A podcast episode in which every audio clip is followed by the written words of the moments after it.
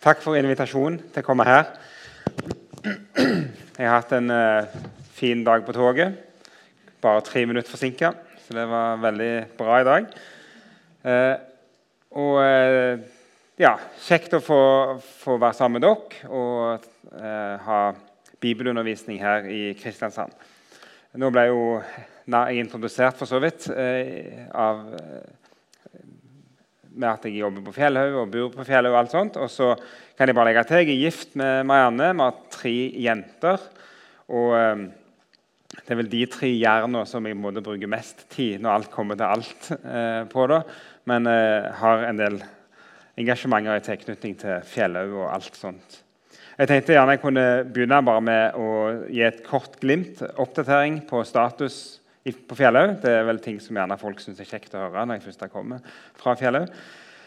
Eh, der har vi begynt semesteret. Vi har kommet en måned inn allerede. Har en god gjeng av studenter av ulik, som er på ulike programmer.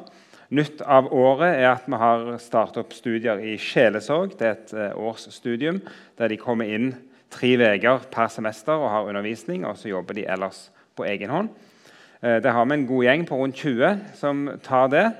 Eh, de fleste er sånn ja, tidlig 20-årene av de som studerer sjelesorg. Så det er veldig kjekt. Og det er, en, det er jo en ting som har eh, det er et behov som har vokst fram mer og mer i den yngre generasjonen. Og vi ser at det er noe som mange vil studere. Og så har vi også en liten håndfull som har begynt på et nytt årsstudium i integrering og kultur og religion. Det er jo veldig spennende. Det er jo noe helt nytt. Eh, og det er litt mer sånn i randsonen på en måte, for det går jo mye mer inn i det arbeidet som handler om innvandringsarbeid og integreringsarbeid. Men der vi ønsker å gi en utdanning som i tillegg har med dette med kulturforståelse og religionsforståelse.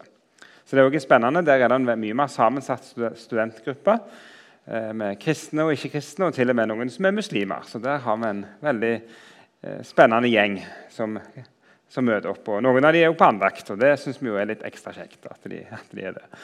Og så har vi ellers eh, bachelorstudenter og masterstudenter som tar teologi og misjon og, og, eh, og, praktisk teologi, formidling og ulike sånne ting. Og ja, opplever at det er en eh, god, god, gjeng og, og, mye spennende som skjer. Eh, opplevde òg at det har vært fine opptakstall det siste året. Og, og opplevde at økonomien har fungert bedre enn vi frykta. Og så er vi spente på neste år. Nå er det jo eh, søknadsperioden straks i gang. Og eh, ja, det er stadige ting som skjer på økonomifronten uten at vi blir direkte ramma mer enn andre sånn sett da, på høgskolen. Bibelskolen på Fjellhaug har det jo litt strammere i så måte. Men vi er optimistiske, og vi har det kjekt i lag med studentene våre og opplever at det er håp for håp for Norge, håp for Kristen-Norge. Det er mye bra folk som er på Fjellhaug, og det er veldig veldig kjekt. Så Det får være et lite glimt nå i kveld. Så er vi takknemlige for all støtte vi får, i form av forbønn og i form av eh, gaver og alt mulig som jeg regner med noen av dere òg er med og bærer Fjellhaug på ulike måter. Og følger med oss. Og det er vi veldig, veldig glad for.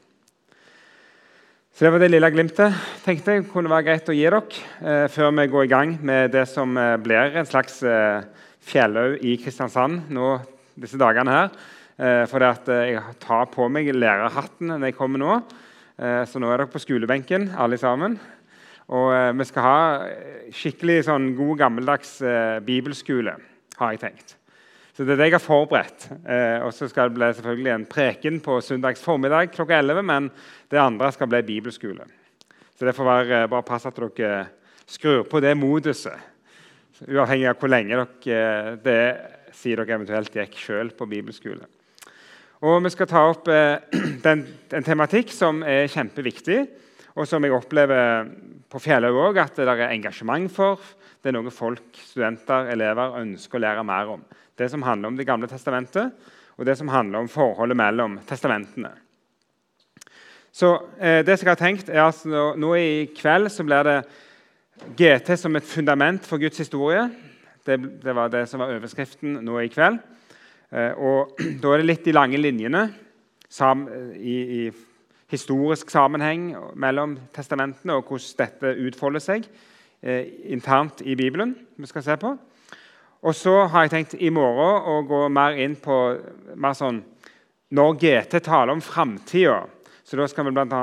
inn i, se litt på dette med hva er profeti, og hvordan fungerer det. Og så skal vi òg innom noe som heter typologi. Ikke tipp, men typ.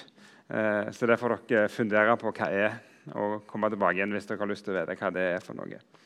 Kanskje har noen lært det en gang i, i tida og trenger å repetere det. Men da er det som er det profetiske, det som når GT ser framover. Og så er det på søndag, etter vi har hatt eh, gudstjeneste her, så blir det en liten sånn undervisningsøkt til. Og Da skal vi inn i de mange lovene og finne ut eh, om dere har lov å spise reker eller ei. For det er et viktig spørsmål i 3. Mosebok 11. Så det er disposisjonen for det vi skal se på. Og Dette med sammenheng mellom GT og NT er jo et spørsmål som eh, har rådd i Kirka helt siden starten. Og De som leser kirkehistorie, vet at veldig tidlig i kirkehistorien så ble det en stor debatt. Og Det var en eh, kar som heter Markion, som veldig tidlig ønska å få vekk alt som lukta jødedom og GT. Eh, så det ble en stor konflikt i den tidlige kirka om GT sin plass. Og Det er en konflikt som egentlig har vedvart langt på vei. Og da, Stadig vekk gjennom århundrene så har det dukket opp stemmer som vil kassere Det gamle testamentet.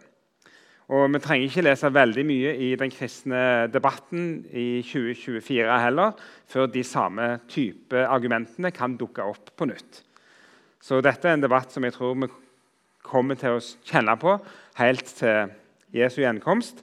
At eh, det er veldig blanda eh, følelser og, og, tenkning rundt hva plass Det gamle testamentet skal ha i vår forkynnelse og i vår teologi.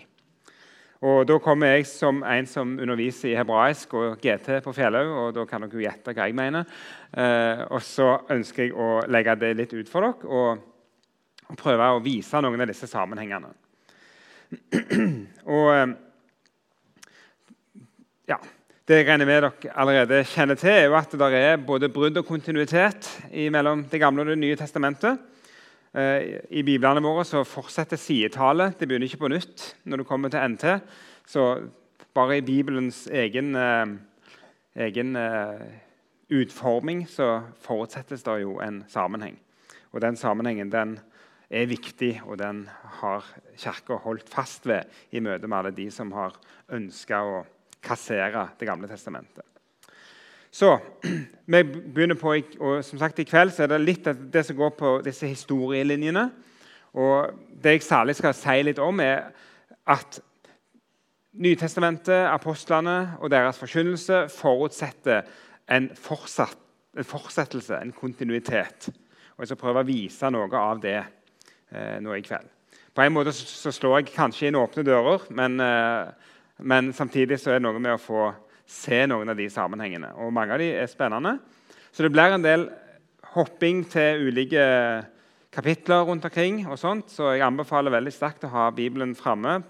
Enten dere har den inni her, eller dere har den fysisk eller på en telefon. Eh, og slår opp litt eh, når jeg prøver å ta dere med litt rundt omkring. Så skal jeg bruke det på veggen. Der kommer det opp litt henvisninger. Så har dere i alle fall en plass å, å huske de. da. Så Det første jeg vil nevne litt om, det er det faktum at GT er en bok som har en åpen slutt. Og GT venter på en, og roper etter en konklusjon når Det gamle testamentet avsluttes. Og Jeg kan bare gi dere et par glimt ifra det. I, i den eh, jødiske kanon, den jødiske inndeling av Den hellige skrift, av, av GT, så opererer de med loven og profetene og eh, Skriftene. Og Da er det veldig spennende å, å se hvordan noen av disse her delsamlingene avsluttes. Og Et par glimt fra det. Første glimt er fra når måtte, fortellingen om Israels historie eh, fra Moses og fram til den siste kongen Når den avsluttes i 2. kongebok 25, så befinner vi oss i en fortvila situasjon. For da er Davidstreet hogd ned, kan vi trygt si. Da er den siste davidskongen han er, han, som regjerte, han er blitt, eh, han, han er blitt ført i fangenskap i, til Babel. Og Det siste han fikk lov å se før han ble ført i fangenskap, det var at de, eh, de drepte sønnen hans. og Så stakk de ut øynene på han, og så førte de han i fangenskap. Eh, så Davids tre ligger nede. Han, Den siste kongen, Sidkia, forsvinner ut av historiens eh, eh gang. Men så er det en som lever videre. Det er en, eh, en, en eh, nevø av Sidkia, Jojakin, som har blitt spart. Han er blitt fengsla i Babylon av den babylonske kongen og ble sittende en hel livstid i fengsel. 37 år er han fanga i Babel. Men Så, og Det er det som er fascinerende. Så slutter det. Det er det siste som står i kongebøkene. Den lange fortellingen om Israels kongedømme som kollapser, slutter med å fortelle at han satt i fengsel i 37 år. Men i det 37. året så ble han sluppet fri, og så fikk han lov å sitte ved kongens bord eh, resten av sitt liv. En sånn okay, prosaisk liten opplysning til slutt i en lang fortelling om Israels konger. Men det som er så spennende er at Når du da blar om til Matteus 1 og leser Jesu ettertavle, så dukker forsyne meg Jojakin opp der. For Isais tre, Davids tre, det ble hogga ned, men den lille stammen som sto igjen, der vokste det altså opp en liten kvist, sånn som Gud hadde lovt i Jesaja 11. Så en liten detalj som viser at her er det en sammenheng. Det er en fortsatt historie. Og, og Det er viktig for Matteus å fortelle det. Det er viktig å få nevnt Jojakin i tekstlista, for det er nettopp David Jesus kan regnes tilbake til. Et sånt glimt. Et annet glimt i profeten Malaki, det som jo er den siste boka i den rekkefølgen vi har GTI. Eh, den slutter med et løfte om Herrens dag. Eh, et løfte om at Gud skal komme til sin helligdom. Dette skjer på et tidspunkt der Israel har vært, eh, de har vært fanger i Babel. De har kommet hjem til landet sitt, de har bygd opp tempelet. Det har gått en generasjon og to, eh, og det ser ganske stusslig ut. Men så er det fullt av løfter. Herren skal komme. Det er en ankomst i vente, der Herren skal komme til sitt tempel på nytt. Og Så lover helt, helt til slutt Malaki at Elia, profeten, skal sendes før Herrens dag, den store, kommer. Og så vet vi det fra Det nye testamentet at det var en forventning om det. Hvem er denne Elia som skal komme? Når er det han kommer? Og så husker dere kanskje det at Når døperen Johannes står fram, så er det et av spørsmålene de stiller. Er du profeten? Er du Messias? Hvem er du?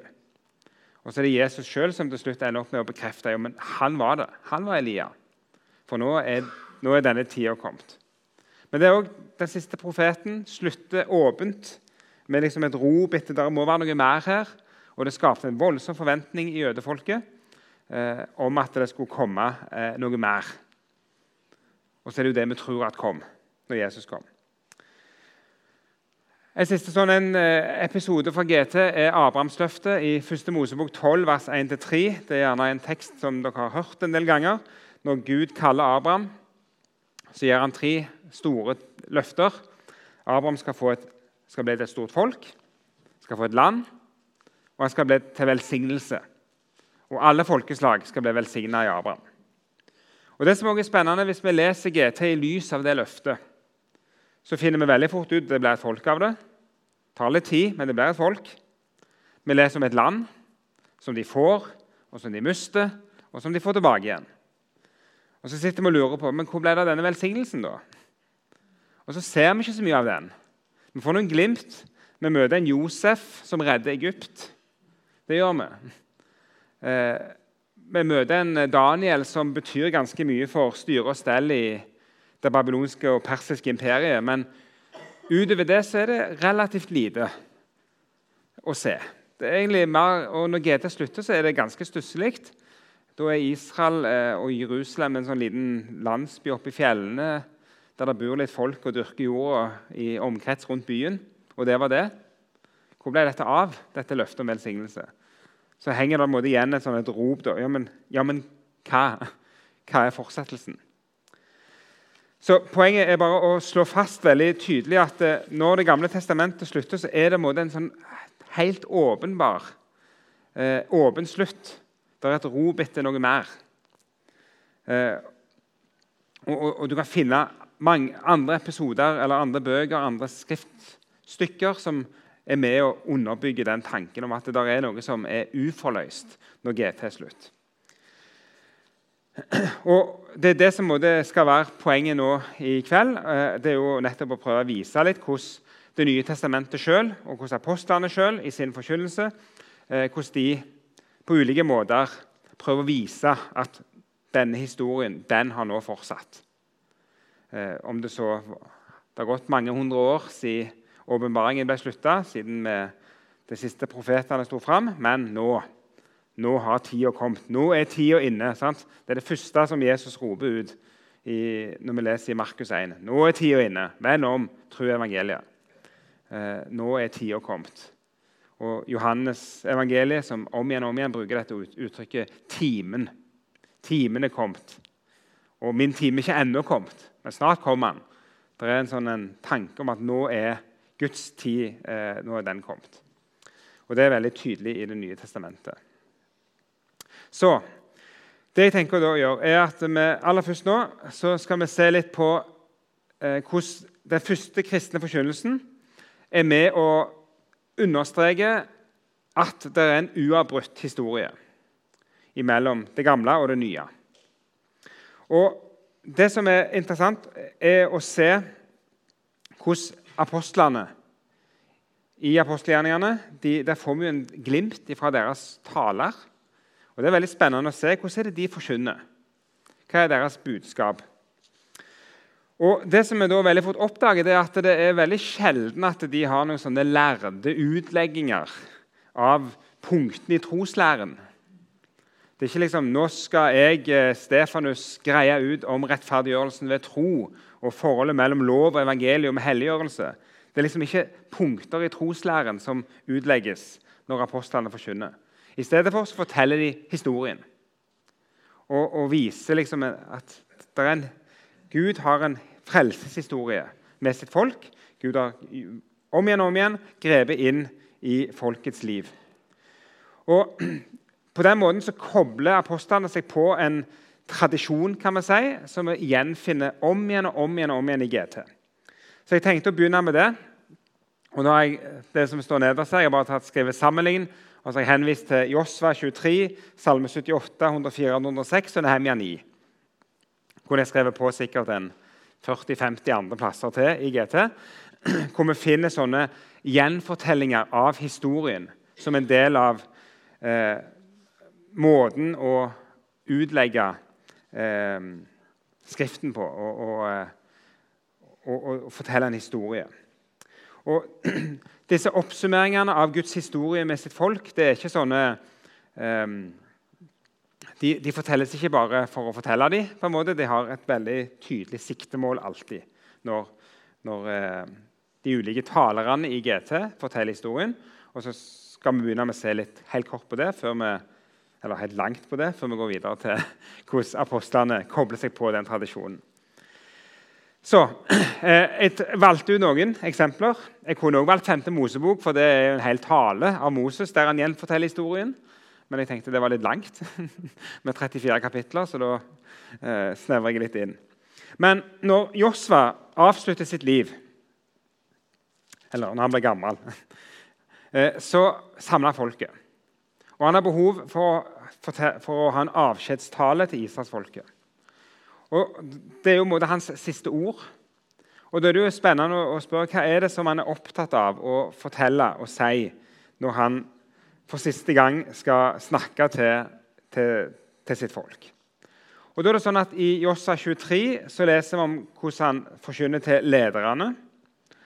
Eh, og Der pålegger han lederne til israelsfolket å huske. Han minner dem om de gjerninger Herren har gjort, og så pålegger han dem å huske og sørge for at dette blir gjenfortalt videre. Og Så samler han i kapittel 24 hele folket, eh, står det faktisk. Eh, alle, eller, alle stammene står der og kaller til seg lederne i stammene. Og Her kan vi se for oss, her står de samla i Sikhem eh, og, og lytter da, et helt folk til Josva, som skal holde sin siste tale til folket. Og Formålet med den talen som Josva holder i Josva 24, det er å fornye pakten og liksom få folket med seg på å innvie seg på nytt. Enda en gang. Vi skal, Selv når du, Josva, dør, så vil vi fortsatt eh, følge Herren. Og så er det spennende igjen, Hva er det da Josva har behov for å si i denne situasjonen? Jo, da har Josva behov for å fortelle historien. Og Han begynner med Abraham. Så ser jeg Josva 24, vers 2. Så begynner han med å fortelle om Abraham. og Han forteller veldig kort, men han forteller at fedrene deres, Tara, far til Abraham og Nakor, bodde fra gammel tid på den andre siden av Eufrat. De dyrket fremmede guder. Men jeg hentet Abraham, deres far, fra landet bortenfor elven og førte han omkring i hele Kanaan. Jeg ga han mange etterkommere. Jeg ga han Isak, og Isak ga jeg Jakob og Esau. Og så forteller han videre. Og Så forteller han om hvordan de ble slaver i Egypt. Han forteller om hvordan Moses ble sendt for å føre dem ut av Egypt, hvordan de krysset sjøen, hvordan Gud hjelpte dem i ørkenen gjennom lang, lang tid, og hvordan Gud førte dem inn i det lovede land og hvordan de gikk over elva Jordan, hvordan de kom inn i landet, og hvordan de i landet opplevde at Gud hjalp dem til å vinne seier mot eh, de folkeslagene som, som, bodde der fra før av, sånn at de kunne få innta landet og slå seg ned i landet. Og så eh, er det interessant å merke seg at Mens Jossa forteller dette, her, så ligger det hele tida en liten sånn undertone eh, der han òg minner dem om at de har svikta langs veien. Så Han forteller en historie om en trufast Gud som har gitt dem alle ting. Og Så minner de også om at de har en historie der de har glemt, og der de har svikta. Eh, og så er det på, en måte på det bakteppet Dette er den Gud dere har med å gjøre. Dette har han gjort for dere. Her er dere med de svake hjertene dere har, og så sier han velg nå i dag hvem dere vil tjene. Og Så kommer disse kjente versene som dere, noen sikkert har på veggen hjemme. Jeg og mitt hus, vi vil tjene Herren, sier Osva. Så han har liksom en sånn advarende undertone, men et primærfokus på hva Gud har gjort for folket. Og så er det eh, denne frelses Gud, han er det eh, jeg kaller dere til å si ja til i dag. Sånn er det Josva forkynner. Men han forteller oss historien, alt som Gud har gjort for folket. Det er måten han gjør det på. Det var et glimt fra Jossas bok. Og så kommer det flere sånne utover i historiebøkene i GT. Men vi kan ta med oss i tillegg fra Salmenes bok. Eh, og ha noen glimt derfra òg. Og det er jo litt spennende, for det vi altså ser, er sånn som Josva, da, at du har avskjedstaler der viktige ledere skal ta avskjed med folket. Da forteller de historien som, som en del av eh, fundamentet for veien videre med Gud. Men også i Salmenes bok der synges historien. Og Det er jo interessant å merke seg, det er ikke bare at historien fortelles, men den skal også synges i poesi, poetisk form.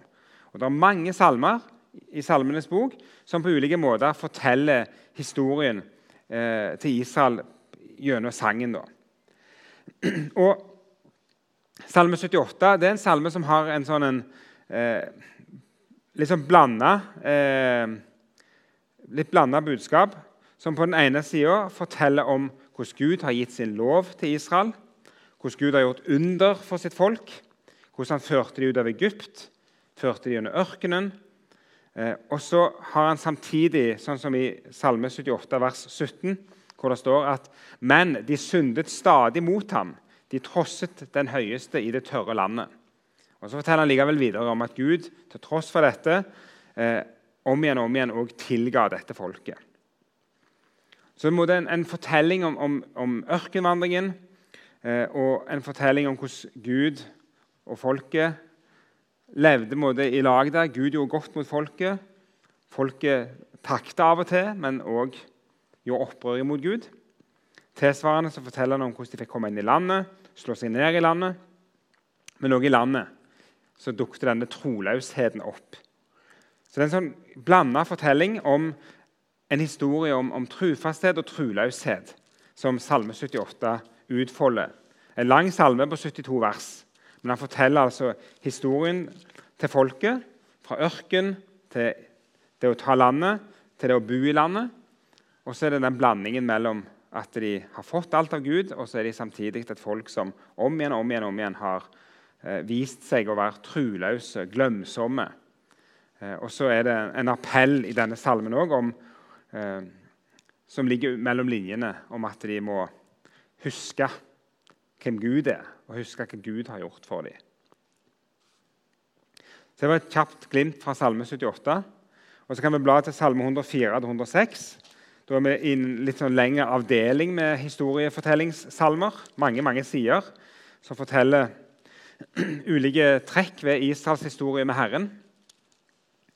Der eh, Salme 104 er en salme som primært fokuserer på at Gud er skaperen.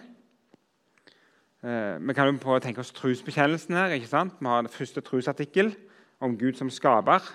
Salme 104 er en utfoldelse av første trosartikkel. Det er skaperen, han som har skapt og som holder alt oppe. Han har skapt alt på himmelen, han har skapt alt på jorda. Han er også den som gir mat og, og sørger for at uh, verden fungerer. Han er skaper og opprettholder. Og alt er gitt til gode for menneskene. En god Gud.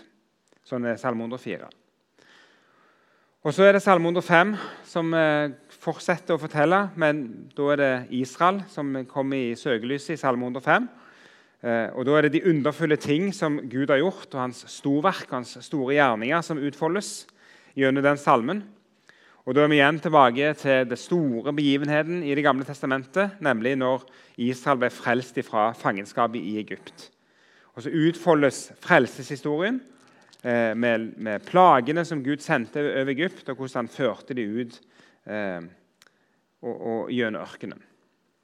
Og et sterkt sånn, eh, Salmen slutter med et hallelujarop i vers 45. Eh, at Gud han har gitt de landet og Målet med alt det Gud har gjort, er at dette skal være hans folk, som lever etter hans lov, holder hans forskrifter. Og så slutter salmen med et hallelujarop. Eh, det er den gode Gud, frelsesguden. Sant? Vi tenker at Salme 104 er første trosartikkel. Skaperguden, Gud som skaper. Så er Salme 105 det er Gud som frelser. Sånn som i andre trosartikkel. Men Salme 106 står òg og I Salme 106 så fortelles enda en gang folkets historie. Men da er det ikke lenger med fokus på alle storverk som Gud har gjort mot Israel. Men da er det alle de gangene der Israel responderte på Guds storverk med å klage, med å glemme, med å gjøre opprør, med å være trassige imot ham. Så det er en påminnelse om eh, hvordan israelsfolket om igjen og om igjen glemte. F.eks.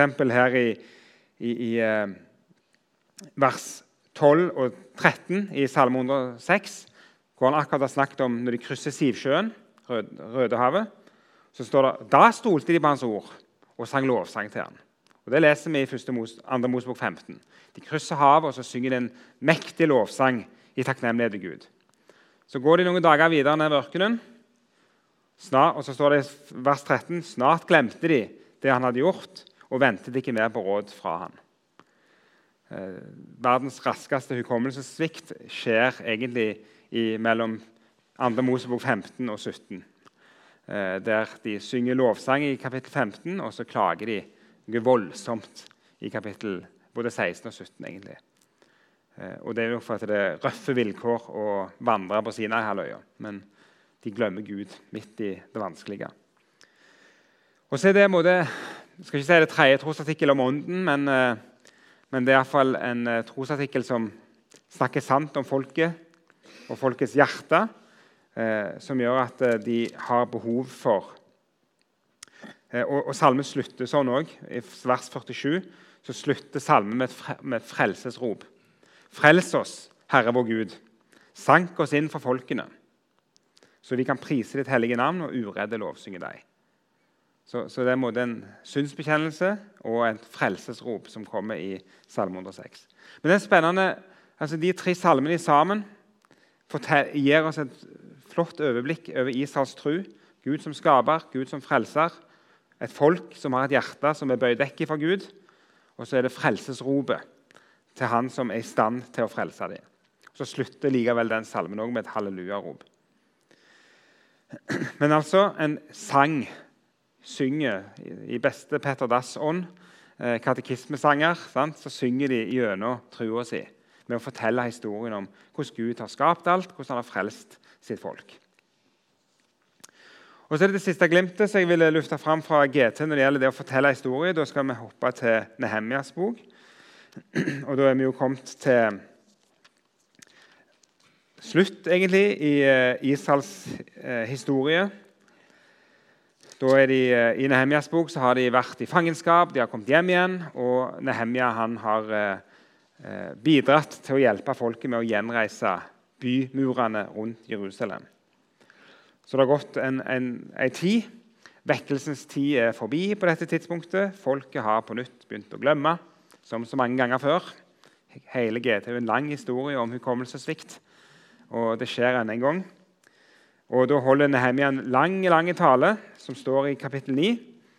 Eh, og er òg holdt i poetisk form. Eh, så det er nok gjerne en, en, slags sang eller en tale et eller annet sånt, som holdes der. Eh, og, og, det skjer i forbindelse med at de har eh, leste opp Herrens lov. Så, så, synges denne sangen. Og Det er igjen en påminnelse det er samme fortelling enda en gang. En fortelling om hvem Gud er. Han valgte ut fedrene. Han frelste dem fra Egypt. Han ga dem landet. Eh, og de slo seg ned i landet. Så står det i vers 26 for eksempel, et lite glimt. Nehemia 9,26. Men de ble trassige og satte seg opp mot deg og kastet din lov bak sin rygg. De drepte profetene dine som advarte dem, og ville føre dem tilbake til deg. Og de spottet grovt. Og da ga du dem i hendene på motstandere. står det videre. Så igjen en fortelling om hvem denne Gud er, alt han har gjort for sitt folk. Og så er det igjen denne mørke bakteppet. Et folk som eh, glemmer, et folk som er trassige, et folk som avviser. Så sånn, sånn fortelles internt i GT. Det var noen små glimt, men mange sånne oppsummeringer. Nå tok jeg noen ganske lange, og så er det av og til noen korte. Men det er veldig vanlig eh, at det skjer i Det gamle testamentet. At eh, en, en, får en gjenfortelling av frelseshistorien. Og nå, er, nå, ligger det som fundament. Dette skjer i GT. Men det som er så spennende, er at når vi kommer til Det nye testamentet, når vi kommer til talene som holdes i, eh, i, eh, av apostlene, så er det det samme som skjer. De fortsetter på, bare, eh, på samme vis med å fortelle en historie om Israels Gud og Israels folk, og hvem de er. Og så ligger jo selvfølgelig eh, Her så er jo bakteppet, hvis vi går først til Stefanus sin tale i apostelgjerningene 7 da er vi jo i Jerusalem relativt kort tid etter pinse. Eh, et, og, og, vi befinner oss i en kontekst der historien om Jesus er kjent.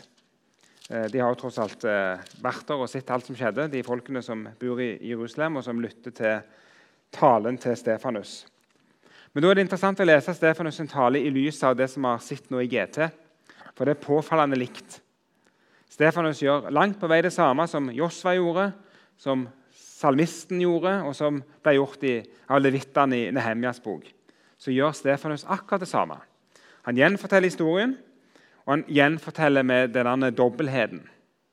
Hvem Gud er, og hva Gud har gjort for Israel, men òg denne trassigheten og denne glemsomheten som om igjen om igjen om igjen har prega folket. Så forteller han oss en, en lang historie her om hvordan Gud har vært trufast, og hvordan folket har så mange ganger vært truløs og, og, eh, og svikta. Og Så slutter han sin tale med en veldig krass anklage mot folket. Det skal stå opp i vers 51 53.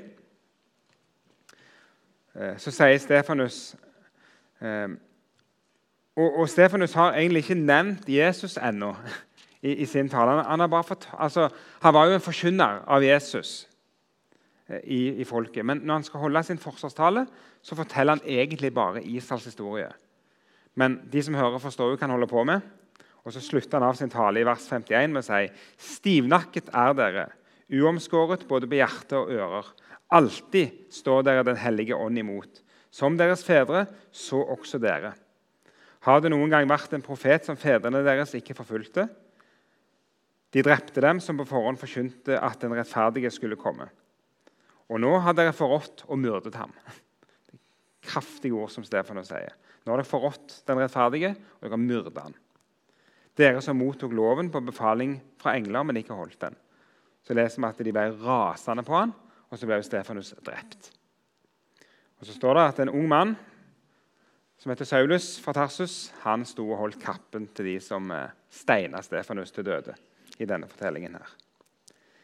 Men det er altså en, en, en, en historie som Stefanus forteller, som er uhorvelig lik det som var i GT. Og det han egentlig sier, er jo at eh, altså, dere har lest Skriftene, dere har lest Josva, dere har sunget Salme 104-106, dere har sunget Salme 78, dere har sunget Nehemja 9. Og så har dere gjort akkurat det samme sjøl. For den rettferdige har dere myrda. Det er jo Stefanus sin anklage. Så kobler han liksom at det er en uavbrutt historie. Historien har gjentatt seg enda en gang. Det har skjedd en ny omdreining på denne fortellingen om en Gud som griper inn til frelse, og et folk som avviser, sier Stefanus indirekte og direkte til slutt i sin tale. Og de ble rasende på han og steina til døde. Så leser vi om Saulus, som ble omvendt radikalt. Og noen få år seinere, eller få, er gjerne 20 faktisk, så står Saulus i synagogen i Antiokia og holder en tale til jøder eh, som bor utenfor Israel, apostelgjerningen 13. Eh, og enda en gang forkynner et budskap som ligner langt på vei på dette som vi har sett i GT. Gjenforteller alt det som Gud har gjort for sitt folk. Eh, forteller om, om, eh, om, om, fedrene, forteller om utfrielsen fra Egypt, forteller om David. Og så går han over til å si at og, til, til, å fortelle om Jesus. da. Og så gjør han akkurat det samme som Stefanus gjorde, som ble gjort i GT i disse talene. Forteller en historie om Guds velgjerninger mot sitt folk. Og så kobler han Jesus-fortellingen direkte inn på den. Og så kommer denne undertonen at han ble avvist, eh, denne Jesus. Så eh, Dette er det, første punktet som jeg, jeg skal si litt om evangeliene før vi tar en pause Også. Men dette er det første punktet som jeg vil liksom understreke at det er en helt åpenbar tendens i apostlene sin forkynnelse til å framholde at det er en uavbrutt historie. Det er de samme tingene som gjentar seg. Og, og det er påfallende likt det du finner i Det gamle testamentet. Og det var strategien som de langt på vei brukte når de forkynte til jøder særlig til folk som kjente, eh, kjente Skriftene, så, så, var det denne måten de, de gikk fram på. Og så tenkte jeg bare å si at Du finner det egentlig langt på vei også i evangeliene. Gjør, evangelistene gjør det samme. Bruker den samme teknikken. kan man si. Kobler liksom rett på. Nå nevnte jeg allerede innledningsvis Matteus, der han begynner med slektslista. Og Det er nettopp for å vise det. Det er en sammenheng her. Linja videreføres. Davids slekt fortsetter. Og der står Jesus fra Nasaret, midt i Davids slekta. Og Når Markus begynner sitt evangelium, så begynner han med å sitere Jesaja 40 om eh, røsten som roper i ødemarka. Og han har òg et hint til profeten Malaki, som vi var, nevnte i stad, fra Malaki 4. Så Markus begynner med å koble rett på. Lufte fram Johannes som denne Elias som skulle komme. Og når eh, Lukas når han begynner sitt evangelium, så han, gjør han seg flid i å herme etter den språkstilen som er brukt i GT. Så han skriver veldig sånn opphøyd GT-språk. Helt bevisst, selv om han var en velutdanna greker som kunne skrevet atskillig mer, eh, mer sånn gresk universitetsspråk, så kopierte han heller eh, stilen i Israels hellige skrifter. Eh, og begynner med å fortelle om at det skjedde i de dager, og gir også en slektsliste som kobler an til Jesus. Og forteller historien om Elisabeth og Zakaria. Eh, og så føyer de seg inn i rekka av barnløse, sånn som vi har sett i GT. Og så er han liksom i gang med masse ekko tilbake til GT, han òg, når han innleder sitt evangelium. Og så er det Johannes da, som overgår hele gjengen med å begynne med 'i begynnelsen'. Han kobler rett på skapelsen. Eh, og så forteller han om det, evige ordet som blir menneske. Og så kunne jeg løfte fram haugevis av andre eksempler fra evangelien som viser hvordan de om igjen og om igjen kobler seg på den uavbrutte historien som er blitt fortalt fra GT.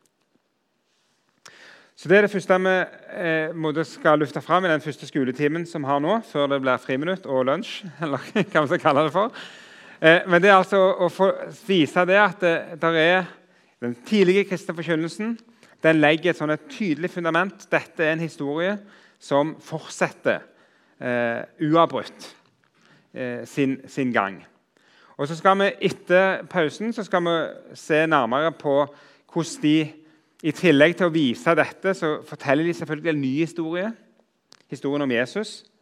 Og de bruker skriftbevis for å begrunne og vise eh, gehalten i den nye historien sin. Så Det skal vi se på etter pausen. Et par taler til. Før jeg til slutt skal gi dere noen punkter liksom, som går litt mer på eh, hva, hva, slags nøkler var det de brukte, hva slags briller var det de hadde på seg, som gjorde at de tenkte på den måten. Så da får dere bare ha det i mente når vi har pause. Og så eh, tenker vi også at eh, når vi er ferdige etter pausen med den undervisningsøkten, så er det òg mulig å komme med et par spørsmål fra salen hvis noen har lyst til å og, Eller kommentarer. Eh, et eller annet. Så blir det òg gitt mulighet for det altså, noen minutter. Så kan dere òg tenke på det. Men nå er det friminutt. Veldig bra. Eh, da er det runde, økt, økt, nummer to, runde to, og vi fortsetter egentlig litt eh, langs eh, de samme linjer. Men som sagt, før pausen så jeg, hadde jeg dette her poenget med at det er en uavbrutt historie som fortelles. Og så skal vi nå se at eh, apostlene sin første eller tidlige Jesusforkynnelse det var ikke bare en uavbrutt frelseshistorisk forkynnelse ut fra begivenheter i GT, men det var vel så mye at de òg hadde en ny historie å fortelle. Eh, men en historie som de fortalte på samme vis som den gamle historien ble fortalt. Og Da skal vi fortsette med å se litt på taler. Og Vi begynner med Peters store pinsedagstale. Der han jo veldig mye av talen bruker han jo der til å eh, forklare hva som faktisk skjedde denne dagen med at nå gikk profetien om Den hellige ånd i oppfyllelse. Men i denne talen, mot slutten av talen, etter han har fått formidla veldig tydelig det, at, eh, at det ånden, eh, løftet om ånden er nå blitt oppfylt, så har han også behov for å koble dette sammen med Jesusfortellingen. Og Nå er det noen kjensgjerninger som Peter formidler. og Det finner vi fra vers 22 i apostelgjerningene 2. Det blir den andre seksjonen av talen hans etter han først har snakket om profetien som ble oppfylt når Den hellige ånd kom. Og Dette skjer jo bare noen få uker etter Jesu døde oppstandelse. 50 dager etterpå. Eh, og De folkene som er i Jerusalem, var nok òg til stede i påsken. Det var relativt vanlig at disse pilegrimene som reiste opp til påsken, de ble litt lenger og slo to fluer i en smekk og var òg til pinse. Men da taler Peter, så sier han fra vers 22.: Israelitter, hør disse ord. Jesus fra Nasaret var en mann som Gud pekte ut for dere med mektige gjerninger og under og tegn som Gud lot han gjøre blant dere. Alt dette kjenner dere til. Han ble utlevert til dere slik Gud på forhånd hadde bestemt og kjente til. Og ved lovløses hånd naglet dere ham til korset og drepte ham. Men Gud reiste ham opp og løste ham fra dødens rier. Døden var ikke sterk nok til å holde ham fast. Der er det jo egentlig de grunnleggende punktene i andre trosartikkel. Sant? Jesus som dør og blir oppreist. Men, han, men, det Peter gjør i tillegg til dette, i tillegg til å fortelle historien om Jesus, Eh, og legg merke til denne vekslingen i denne historien mellom hva Gud har gjort, og folket sin avvisning. Så denne anklagende tonen er også til stede her. Naturlig nok, siden tilhørerne, var de som sto og ropte 'korsfest'. Eh, men i tillegg til å fortelle den historien, så har også Peter nå skriftbevis. og Det er også noe som kjennetegner apostlene sin forkynnelse. De bruker mye skriftbevis. De henter fram ting fra Det gamle testamentet, ting som er forutsagt og lovt om Messias, og viser at Jesus oppfyller det. Eh, og Peter han gjør det ved å sitere fra Salme 16 i fortsettelsen, fra vers 25. Og Det er en salme som både Peter og Paulus ynder å sitere for å begrunne at Jesu oppstandelse er forutsagt i Skriften. Så da sier Peter, for David sier om han, alltid har jeg Herren for mine øyne, for han er ved min høyre side, jeg skal ikke vakle. Derfor gledet mitt hjerte seg, og min tunge jublet, og selv kroppen skal slå seg til ro med håp. For du skal ikke forlate min sjel i dødsriket, og ikke la din hellige se forråtnelse. Du har lært meg å kjenne livets veier, og du skal fylle meg med glede for ditt ansikt. Og Det er særlig denne verset med 'Du skal ikke forlate min sjel i dødsriket', og ikke la din hellige se forråtnelse. Det er særlig det Peter tar utgangspunkt i når han skal vise at GT har forutsagt at Messias skal stå opp igjen. Og det Han gjør et poeng av er at denne salmen er skrevet i jeg-form. Det er jo David som har skrevet salmen, men David har skrevet salmen i jeg-form. Og Så sier han at David døde jo, og David råtna. Så det kan ikke være David det er snakk om her. Derfor er det om Jesus David har sagt. Det er liksom logikken. Det er den fortolkningsmessige grepet som Peter gjør når han utlegger denne salmen. David sier i jeg-form at jeg skal ikke, du skal ikke la din hellige se forråtnelse. Eh, du skal ikke forlate min sjel i dødsriket. Så sier Peter ja, men David døde. David var et menneske, men David han snakket om Messias i denne salmen. Og Det er et grep som du finner ganske ofte. det kan jeg bare nevne, at eh, Både apostlene, men også de første kristne forkynnerne i forlengelsen av apostlene inn i Ålkirka veldig, veldig ofte så leser de Salmenes bok på den måten. der. At det er ofte når salmisten sier ting i jeg-form, så er det måte, Jesus som snakker. Og Vi gjenfinner det jo når Jesus henger på korset og sier 'Min Gud, min Gud, hvorfor har du forlatt meg?' Salme 22. Eh, så måte det, gjør han det til sitt. Det blir Jesu tale. Eh, så det å lese veldig mange av disse jeg-ordene i Salmenes bok eh, det som Jesu ord Det gjorde apostlene, det gjorde Jesus sjøl, og det gjorde de første kristne forkynnerne. Det er noe vi gjerne ikke gjør så mye i dag, men det er det skrevet en bok om som jeg ikke har lest. men likevel. Eh, det er en ting som en kunne tatt fatt i og sett på, men det skal ikke jeg gjøre nå. altså. Men det kan dere gjerne ta med dere inn i salmelesinger. at når dere leser ting som er sagt i jeg-form, som kan passe enten det er en som lider på et kors, eller en som får se lys oppstandelse, så går det an å tenke at dette ble nok fortolka i lys av Jesus av apostlene. Selv om ikke alltid alle de fortolkningene fins i Nytestamentet. Men han gjør det her. David er død. Derfor må det være Jesus som er den som ikke så forråtnelse. Så bruker han det som et skriftbevis for å si at Skriften har forutsagt at disse kjensgjerningene, disse tingene som skjedde med Jesus, det er òg i samsvar med det Gud hadde sagt på forhånd. Så Han forteller en ny historie, og så supplerer han den historien med skriftbevis for å gi det ekstra tyngde eh, og vise at dette her er noe som er en del av Guds store plan. Og så gjør han det med et par andre tekster også, videre i sin tale her på pinsedag, som dere kan få lese sjøl. Men det er liksom logikken. Eh, at måten han gjør det på. Fortell historien, og så supplerer han den med skriftbevis. Hvis vi da vender tilbake til den talen som jeg var innom i apostelgjerningene 13, som Paulus holder i synagogen i Antiokia. Eh, så stoppet jeg i den talen med at Paulus gjenfortalte der Israels historie for folket som hørte på ham. Men Paulus stopper ikke der i talen. Det var bare jeg som gjorde det. For å vise at han kobla seg på den gamle historien. For Det som er spennende i apostelgjerningene 13, er at Paulus fortsetter. Eh, og I tillegg, Når han har fortalt ferdig historien om Israel og Israels historie, så begynner han å fortelle Jesus-historien. Han slutter av Israels-delen av sin tale å, i, i, vers 22 med å fortelle at Gud reiste opp David som konge over Israel. Og Så fortsetter han i vers 23 i apostelgjerningene 13. Av hans, Davids etterkommere, lot Gud en frelser for Israel står fram, slik han hadde lovet, og det er Jesus. Før han trådte fram, hadde Johannes forkynt omvendelse og dåp for hele Israels folk. Da Johannes fullførte sitt livsløp, sa han, 'Jeg er ikke den dere tror jeg er.' Men etter meg kommer det en som, som jeg ikke er verdig til å løse sandalremmen for.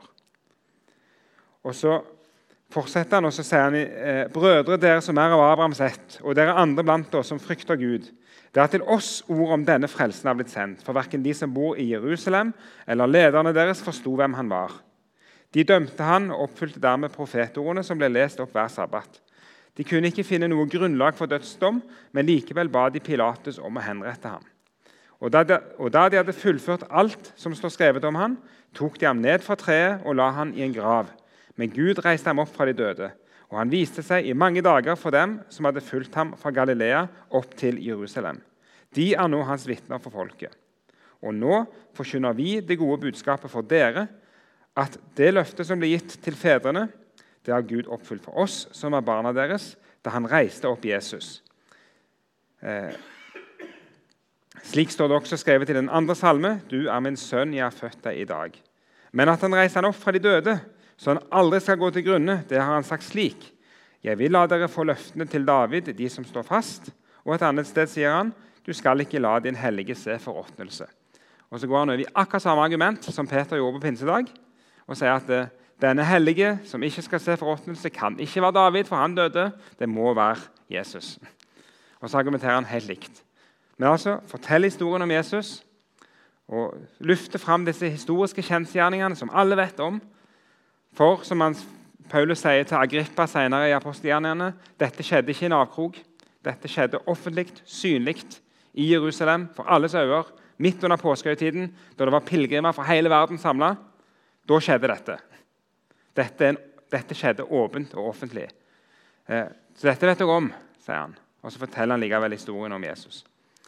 Og Så supplerer han igjen med skriftbevis. Og Det er særlig oppstandelsen som er så viktig å forankre med et skriftbevis. Å vise at Jesu oppstandelse, en uhørt hendelse som aldri har skjedd før, det er faktisk forutsagt av Gud. At Messias skal stå opp fra de døde. Sånn er det Paulus gjør akkurat likt som Peter og løfter fram denne historien. Det gjorde han jo da ca. 20-25 år senere enn en eh, pinsedag. Og Så kan vi også hoppe til apostelgjerningene 10, eh, for der er det enda en sånn episode der Peter forkynner på nytt. Da er Peter invitert hjem til den romerske høvedsmannen Kornelius eh, og skal forkynne for Kornelius og hans familie.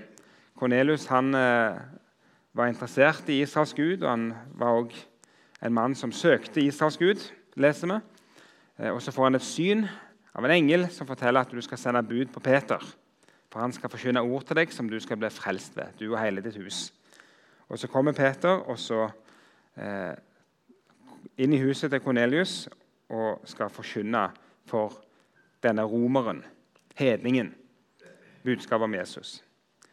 Og Peter trengte litt overtalelse fra Gud før han, kunne, før han, gikk med på dette. her, For han klarte ikke helt å forsone seg med tanken på at en romer, en urein romer skulle høre dette ordet om Jesus.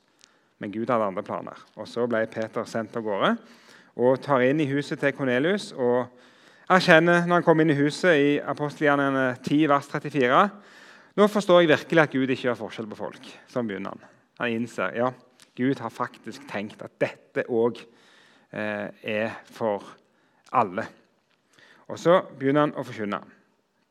Så skal vi lese fra apostelgjerningene 10, vers 36 og litt ned. Dere kjenner det ordet han sendte til Israels folk, det gode budskapet om fred ved Jesus Kristus, han som er herre over alle. Dere vet om det som begynte i Galilea etter at Johannes hadde forkynt sin dåp, og som siden spredte seg over hele Judea. Jesus fra Nasaret ble salvet av Gud med hellig ånd og kraft. Og han gikk omkring overalt og gjorde vel og helbredet alle som var underkuet av djevelen, for Gud var med han. Og vi er vitner om, at, om alt han gjorde rundt omkring i jødenes land og i Jerusalem, han som de hengte på et tre og drepte. Gud reiste ham opp på den tredje dagen og lot ham tre synlig fram. Ikke for hele folket, men for de vitnene Gud på forhånd hadde utvalgt. For oss som spiste og drakk sammen med ham etter at han var stått opp fra de døde. Og han påla oss at vi skulle forkynne for folket og vitne at han er den som Gud har satt til dommer over levende og døde. Om han vitner alle profetene og sier at alle som tror på han, skal få tilgivelse for syndene ved hans navn. Sånn forkynner Peter i Kornelius sitt hus. Og så leser vi at Den hellige ånd falt over forsamlingen mens Peter talte, og de kom til tru, hele gjengen. Det som er interessant i denne talen, er jo at enda en gang så er det nettopp denne nye fortellingen som fortelles. Men vi kan gjerne merke oss at det er en ting som ikke var så sterkt eh, til stede her, og det er jo skriftbeviset. Eh, det, det blir bare sagt indirekte at profetene vitner om, om, denne Jesus. Og jeg tror Den enkle forklaringen er jo at uh, dette var romere. Så måtte det å trekke fram uh, nyans, litt sånn fin, Hva skal vi kalle det for finslepne argumenter fra Salmenes bok var gjerne ikke det som de trengte først. De trengte først å bare høre historien, og så kom skriftbevisene senere. Men han understreker at dette er bevitna i Israels skrifter for det om, uten at han måtte vise det, sånn som han gjorde for jøder. Så vi kan også bare merke oss at det er en liten forskjell i, i, at han også tilpasser litt til tilhørerne sine. Det er ikke alle som, som hadde nok bibelkunnskap til å kunne være med på disse her fortolkningsgrepene som, som man kunne gjøre når han talte på pinsedag. For eksempel. Det kan vi bare merke oss. Eh, og, det er jo en del, av, en del av oppdraget til en forkynner. Så får vi håpe at Cornelius og familien etter hvert ble ført inn i resten av GT. Men han, han, gjør én ting i denne talen allikevel. En ting som også Paulus gjør i uh, sin tale, som vi bare tar med oss som en liten, liten notis langs veien. Uh, og det er at uh, Når han omtaler korset, så sier han ikke ordet 'kors', men han sier bare 'tre'. Eh, og Det kan det være grunner til. Det kan jo være, og det vet vi fra, fra antikkens tid, at, det, at, korset var så skamfullt at det var nesten litt sånn må banne å si det ordet. Det var liksom en sånn, det vokste litt i munnen. på en måte. Det var et forferdelig ting som eh, var så, eh, så skamfullt. Men jeg tror ikke det var grunnen til at Peter brukte ordet tre, og at Paulus brukte ordet tre når han snakker i apostelgjerningene 13. Eh, fordi at når Paulus i Galaterbrevet eh, skal utfolde korsets eh, mening, hva korset betyr, så er det jo nettopp at eh, på korset så tok Jesus på seg vår forbannelse. Han ble til forbannelse for oss. Det er argumentet som Paulus løfter fram i Galaterbrevet 2. Han tok på seg den forbannelsen som var vår. Og så begrunner han det med å sitere fra 5. Mosebok 21, vers 23 hvor det står at 'forbannet er hver den som henger på et tre'. Eh, så Det er sånn, et ord i 5. Mosebok om du har dødsstraff, men så har du det som er verre enn dødsstraff, det er nemlig å bli hengt på et tre. Det, da er du under forbannelse. Og Vi leser et par eksempler på at noen kanoneske konger ble hengt på et tre eh, etter de var blitt eh, overvunnet av Josva. Så vi finner et sterkt utsagn i 5. Mosebok og så tror jeg at Når både Peter og Paulus bruker ordet tre i sine taler, så er det sånn et ekko som allerede de har integrert i sin tenkning. At eh, det at, det at Jesus henger på et kors, på et tre, det betyr mye mer enn bare en nedverdigende død på et romersk henrettelsesredskap. Eh, Men det er faktisk knytta sammen med at eh, han er den som bærer forbannelsen. Derfor ble dette med forbannelsens tre og korset som tre veldig viktig eh, både for Peter og Paulus, som vi ser, eh, men òg for de første kristne forkynnerne i århundrene som fulgte. Så Det var bare en sånn liten digresjon, men, men det er sånne, sånne, små detaljer i tekstene som ofte er veldig spennende, for at de har ofte med seg en svært sånn gammeltestamentlig univers eh, og, og viser at korset var forbannelsens plass Og ved å henge på treet så var Jesus underlagt den forbannelsen. Så et lite indirekte skriftbevis finner vi altså i Peters tale i apostelgjerningene 10. Men, men, først og fremst så ser, ser, det ut som at han forbeholder skriftbevisene til eh, jøder som er mer bevandra i Skriftene. Men likevel, det er en ny historie som fortelles. Det er altså historien om Jesus. Eh, ikke bare historien om Guds velgjerninger mot Israel i GT, men, nå, men den historien den kobles direkte på historien om Jesus, og han forteller disse kjensgjerningene om Jesus. Og det som er påfallende Når du begynner å kikke så ser du at det er veldig mange formuleringer fra disse tre eh, tekstene vi har vært innom nå, de gjenfinner du i andre trosartikkel. Det, det ikke, som ikke står her, er Jesu fødsel.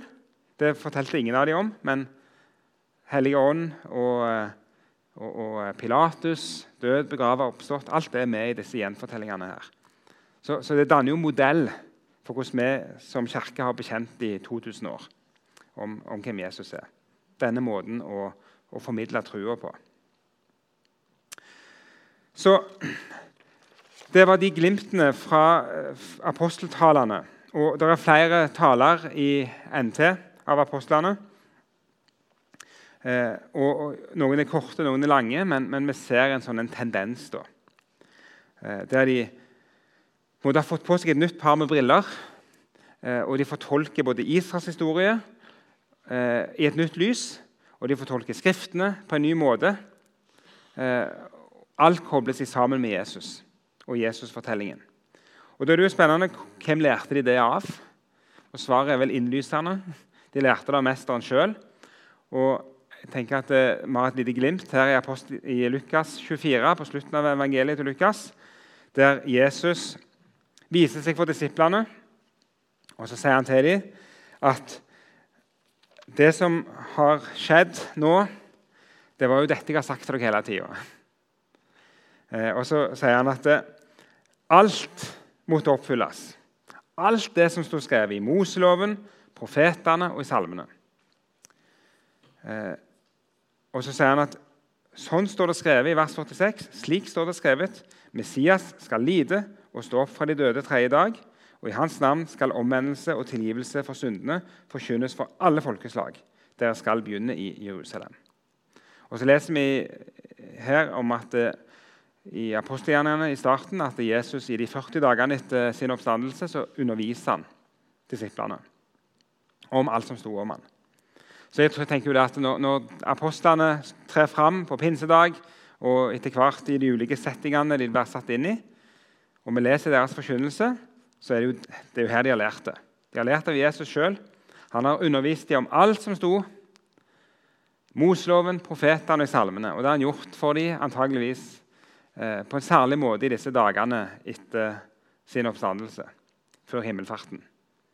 Og så På pinsedag så tror jeg at Hellig Ånd åpna opp for dem, så de på en helt ny måte kunne forstå Skriftene.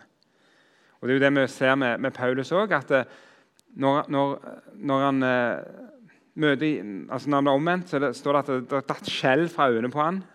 Og Plutselig bare så han alt. For han hadde jo alt inni seg. Han kunne jo Skriften utenat. Og plutselig bare, ja, men Det er jo Jesus som er nøkkelen her. Og så, så var alt åpent for ham. Og så kunne han plutselig hente fram Salme 16 og bare Ja, det er jo det er jo Jesus som skal stå opp. Det er jo ikke David. Og så hadde han liksom en helt ny, nytt sett med briller. Eh, og så er det fint å se, det står at Jesus sier det skal oppfylles, det som er skrevet om meg. Det skal ikke opphøre, det skal ikke avløses, men det skal oppfylles. Eh, nå skal, nå skal begeret fylles helt opp. Nå skal det bli helt synlig, alt dette som er sagt. Og så leser vi at han måtte åpne deres forstand. Så det er den kunnskapsmessige sida. Eh, men det er òg en, en, trosmessig side. Et nytt blikk, en ny forståelse, som var nødvendig. De lærte det Jesus, og så måtte Ånden eh, åpenbare alt dette for dem. Da ble det mulig å se det. Og så er det dette de har gitt videre til oss. Og så er det altså død, Jesu død, Jesu oppstandelse, omvendelse og syndens forlatelse for alle folkeslag. Det er omtrent mottoet til Misjonssambandet. Eh, dette er essensen. Det er dette vi er satt til å gjøre å forkynne. Og det er Jesus sjøl som har, har, lært oss det.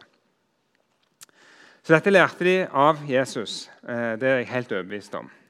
Selv om vi ikke har tilgang til manuskriptene for de bibeltimene som Jesus holdt. skulle jeg gjerne likt å hatt, Men vi har fått noen glimt av dem, i alle fall i aposteltalene i, i disse kapitlene. Så vil jeg si noen, mot slutten og bare ha noen teologiske forutsetninger som ligger til grunn for denne tankegangen, som er ganske viktige. Og Det første går på historiesynet. Der forsvant den. Den kommer tilbake igjen.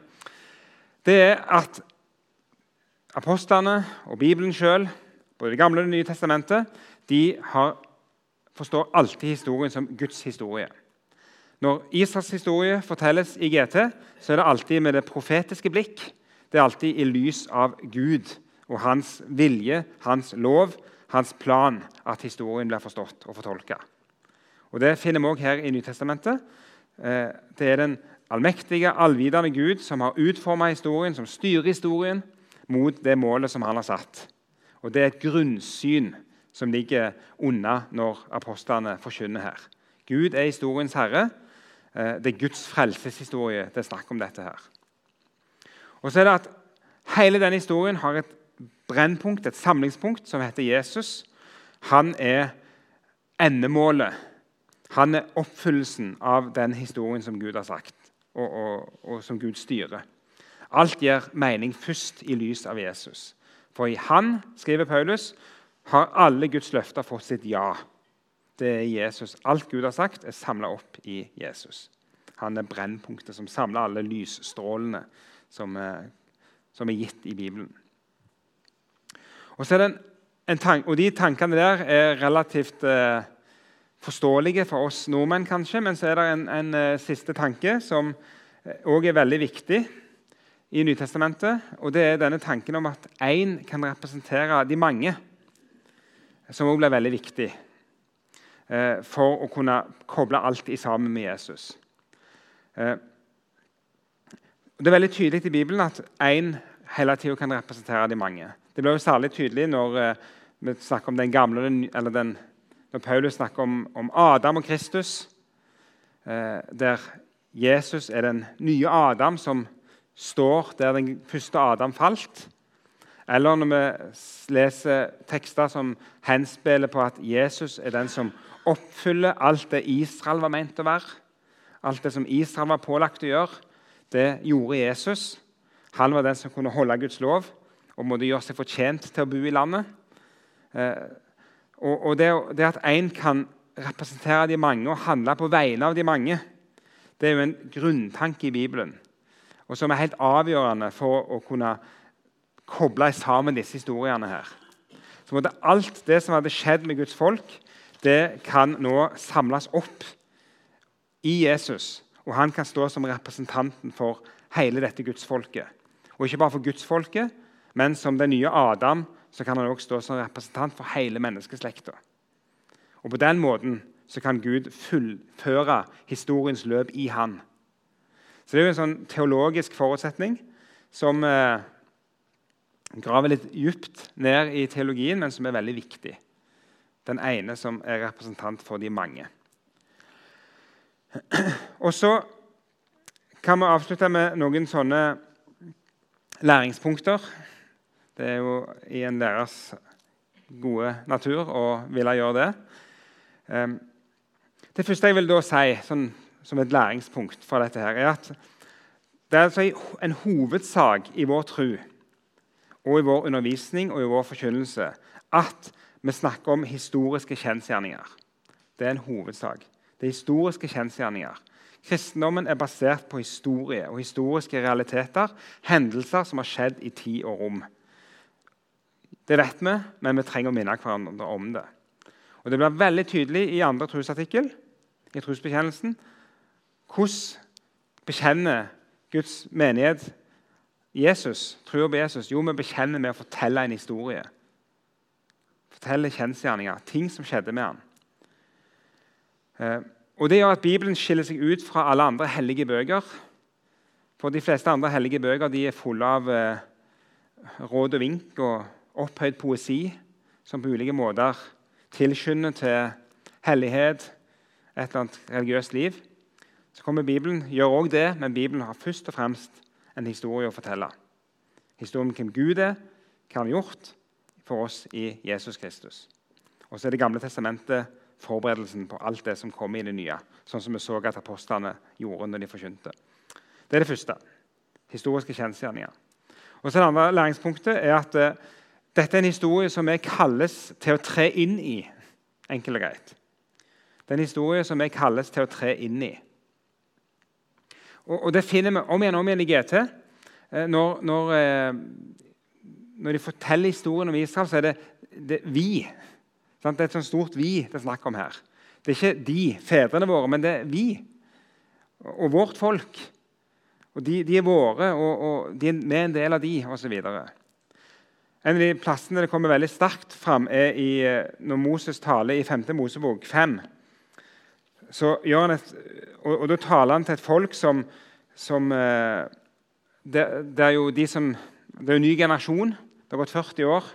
De gamle er døde i ørkenen, og den nye generasjonen står nå på kanten av det lovede land. Og Så sier Moses rett ut at, eh, i, i, kapittel 5, vers 2 at Herren vår Gud sluttet en pakt med oss ved Horeb. Det var ikke med våre fedre Herren sluttet pakten, men med oss, vi som er her i dag. Og Det ligger som en sånn forutsetning. At hos Gud så er alt nåtid. Historien er for oss ei linje der ting har skjedd. Men Gud han ser alt i nåtid. Og Derfor er det, derfor er det et 'i dag' som lyder i Bibelen.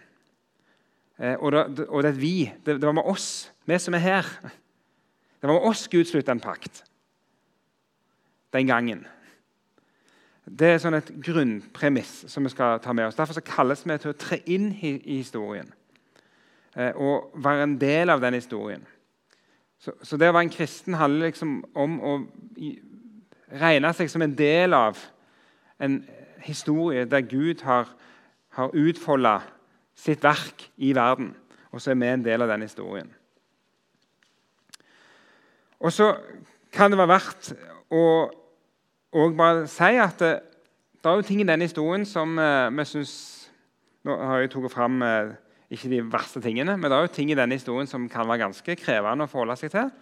Ting som Israel gjør, som vi blir provosert av. I, enten det skjer i erobringen av, av Jeriko, når de utsletter alt levende. Det er ting som er krevende å forstå. Hvorfor lot Gud dette skje? Hvorfor ble det sånn? Hvorfor kommanderte han de å gjøre dette? Og, og, og hvorfor aksepterte han at de gjorde sånn og sånn? og, og så Det kan av og til være, være smertefullt. og vi kan prøve ulike strategier for å forklare ting og, komme til rette med det. Og det kan av og til være litt hjelp i det. Av og til kan litt kunnskap om kultur og, sånt hjelpe oss litt til å ta vekk noen av fartsdumpene. Men det er en historie som også er veldig uryddig. Det er en historie med ting som, som er overraskende, provoserende, sjokkerende. Det er en sånn en sammensatt historie som Gud har ført sitt folk gjennom. Og Jeg har ofte lest litteratur som prøver liksom å gjøre dette så glatt og elegant som mulig og ta vekk alle disse fartsdumpene. Altså men så tenker jeg at eh, jeg har brukt som bilde at eh, som lutheraner så, så, har vi liksom en Rosa er en måte symbolet for lutherdommen. Den ble jo tidlig tatt i bruk. Lutherrosen. Og Tar du hånda på en rosestil, så er det ganske vondt. Eh, og, Det er litt sånn det er. Eh, det gjør vondt. Og Jeg tror det blir sagt veldig tydelig òg når Jesus blir født. Han skal være et tegn som blir motsagt, sier, sier får Maria høre. Han skal være et tegn som blir motsagt. Det, det er en historie som fortelles under korsets tegn på alle mulige måter. Både fordi han ender på et kors, men også fordi det er en historie som kan være et kors å, å, å tre inn i. For det er ikke bare en, en, en, en uh, historie om triumf og, og, gode gjerninger. Det er en historie som er så sammensatt. Men det er en historie som vi aldri kan slutte å fortelle. For det er en historie som er gitt oss, uh, og som er fortalt oss, uh, og som er den, de realitetene der Gud har handla inn forbi. Og det er innenfor den rammen at Gud har ført fram sin frelse for oss. Og så er det påfallende når vi leser apostlene sin forkynnelse, at de, de har ikke behov for å glatte over så mye eh, og forklare alltid for mye. Men på pinsedag så slutter Peter bare av med å, med å overlate til Ånden å overbevise. Og I Kornelius sitt hus så er det akkurat det som skjer. Ånden faller mens han, han taler. Så det er noe med denne tilliten til at Gud kan bruke denne historiefortellingen til å overbevise mennesker om at Jesus faktisk er endemålet for alle de ting som var planlagt, og Jesus er eh, den vi trenger. Så det er en historie som må fortelles, til tross for at den òg er tidvis smertefull og tidvis vanskelig å helt få tak på og forstå hvorfor alt skulle være med.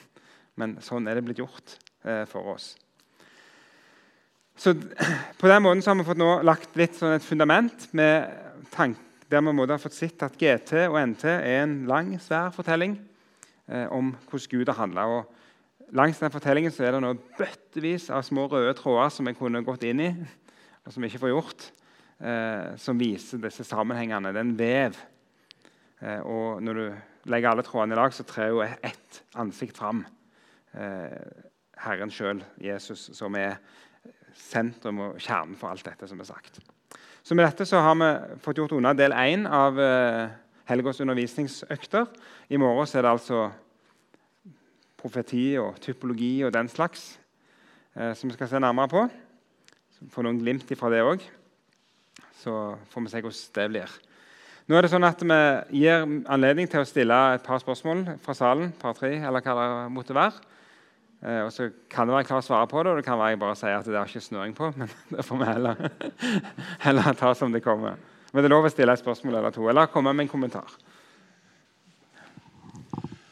Ja, jeg tenkte særlig på det du hadde evangelien. Altså, vi får jo ikke så veldig mye om akkurat dette her i skreven i selve evangeliet. Men jeg la merke til du sa at Jesus får mye etter oppstandelsen, det som han sa i Lukas 24. Han fortalte at alt det er skrevet noe med. Mm. Uh, det er lite av det i historien. Kan det være grunnen til at det ikke er så mye i evangeliet? Han sa lite om dette her, for det kunne ha røpet tidligere at han gjorde seg til Messias. Mm. Ja. Men det var først etter oppstandelsen. så langt som jeg får, Nå er det litt vanskelig med Lukas. Mm. Sa han, fordi at Der går det rett ifra første, fra oppstandelsen og direkte til, til himmelfarten. Mm. Det er ikke de 40 dagene. Nei. Nei, de kommer i apostel, og, og, og, og, det er der han forteller. Og hva gjorde de de 40 dagene? Mm. Ja, Det står om Lukas i apostelgjerningene at han fortalte om Guds rike. Mm. Men vi får bare to-tre åpenbarelser. Det er den med sjøen mm. på, på, Heia, eh, med misjonsbefalingen, og det som skjer i Jerusalem like etter. Så mm. vet vi ikke mer. Men det er utrolig interessante dager, mm. og jeg har tenkt mye på det. Hva, hva gjorde de da? For skulle, de, skulle gå til, de skulle gå til Galilea. Og han åpenbarte seg ikke for så langt vi vet. De har ikke skrevet noen ting om det. altså. Mm. Og så hva, hva med barndomsfortellingene her? Mm. Altså, Jeg skal bare ta det som et lite mm. Du kan jo ta med deg, så kan du tenke litt på det. Hvordan har Lukas fått alle de barndomshistoriene ifra? For han skrev mange år etter dette igjen, mm. når han skriver sitt evangelium. Og Han kan fortelle det, da. Men husk hva Jesus sa på korset til Johannes. Hun skal være din mor, og du skal være hennes sønn. Hva tror du Johannes har snakka med Maria om den tida han fikk være stesønn? Tenk litt på det. Mm.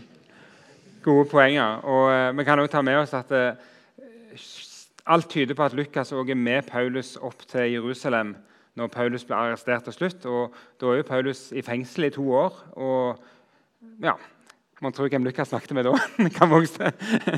Eh, ellers eh, Bra du nevnte det med, med evangelien og, og, dette med profetier. for Det glemte jeg å si noe om, Jeg, selv om jeg hadde det på sliden her. At eh, Det som er påfallende, altså det er jo Johannes og Matteus som, som har mest skriftbevis og det De gjør er at de bruker skriftbevis når, altså Matteus bruker masse skriftbevis når han forteller om Jesu fødsel. Og så bruker Johannes og Matteus begge masse skriftbevis når de forteller om Jesu død. Eh, så, så, der finner vi òg i evangeliene de to som nettopp gikk i lag med Jesus etterpå. De har supplert sine fortellinger med skriftbevis eh, i, i, veldig veldig stor grad. Og Det er jo litt sånn interessant, for at de har igjen garantert fått det fra, fra Herren sjøl i, de, i, den perioden der, der de hadde bibelundervisning med Jesus som var oppstått. Er det en eller to til som har noen spørsmål? Kommentarer? Det var klart som blekk. Klart som blekk. Ja. Veldig fint. Ja, Det er supert. Um, nei, altså, jeg tenkte eh, det, det, er jo fint å tenke på òg altså, Du nevnte noen av de tingene som, som viser hvordan uh, det folket som uh, Jesus levde sammen med og, og, og uh, tjente Det var jo et folk som Det var jo, det var jo Guds folk, og de, kjente, de, kjente, Skriftene. Og han brukte jo bilder om seg sjøl uten å liksom nødvendigvis forklare disse veldig Menneskesønnen. Det ble snakka om Guds lam. Og, og, da visste folk noe helt annet enn det som vi nødvendigvis eh, legger i det. Og så tenkte jeg også litt på at eh, Det er ikke alltid når jeg, når jeg eh, leser i uh, disse her argumentene som Paulus og Peter har, når de siterer, når de siterer eh, Skriftene, så ser jeg ikke alltid hva det er de prøver å si. Nei. Så har nok det òg litt med at de brukte kanskje den, den greske gammeltest... Altså, altså hvordan, de, hvordan oversettelsene eh, fungerte. For, for, eh, for eh, noen ganger så er det 'lost in translation', har jeg inntrykk av. Men, ja. mm. Er det ingen flere spørsmål? Da tror jeg vi skal bare gå til avrunding. Og så minner vi om at eh, i morgen så er det ny samling klokka fem. Det er et tidspunkt som vi ikke er så vant med her i Misjonshuset. Eh, men det går fint an det kan dere merke i morgen, det går fint an å komme i Misjonshuset klokka fem og få mye spennende med seg. Så prøv det i morgen, om ikke det stemmer. Håper dere kan komme tilbake, så mange som mulig. Ta gjerne med dere flere. Men eh, det har vært fint å være sammen nå i kveld. Og så ønsker vi alle en god tur hjem. Kjør forsiktig, gå forsiktig, og vel møtt igjen i morgen.